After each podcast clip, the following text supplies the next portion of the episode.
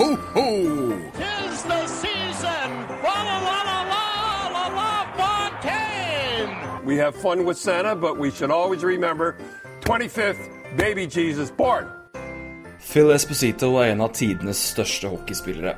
Og for de av dere som ikke vet så mye om han, her kommer dagens historietime. Esposito startet karrieren i Chicago, men ble tradet til Boston i 1967. Og der etablerte han seg som den fremste målskåreren i sin tid. I 1969 ble han den første til å skåre over 100 poeng i én sesong med 126 poeng. Og i 1971 så knuste han rekorden for flest mål i én sesong med 76. Og samme år endte han på 152 poeng, og han er kun én av fem med 150 poeng eller mer i én sesong. Ja, og forresten, han vant også Stanley Cup med Bruins i 1970 og 1972. Men vi skal til 1975. Esposito var 33 år, men nekta å gå med på mindre spilletid, for han mente han fremdeles var en stjernespiller. Og det førte til at Bruins valgte å trade vekk storskåreren, mens han fremdeles hadde høy verdi. En kveld Esposito og Bruins var på bortekamp, fikk han besøk på hotellrommet av Bruins-trener Don Cherry og lagets andre stjernespiller, Bobby Orr.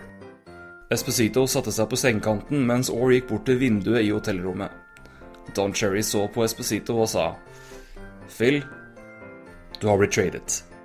Esposito svarte Jeg vet. Men hvis du forteller meg at det er til New York Rangers, så hopper jeg ut det vinduet der. Cherry så bort på Orr og sa Bobby! Åpne vinduet. Esposito spilte for Rangers i seks sesonger før han la opp i 1981. Og da hadde kun Gordie Howe skåra flere mål i NHL-historien.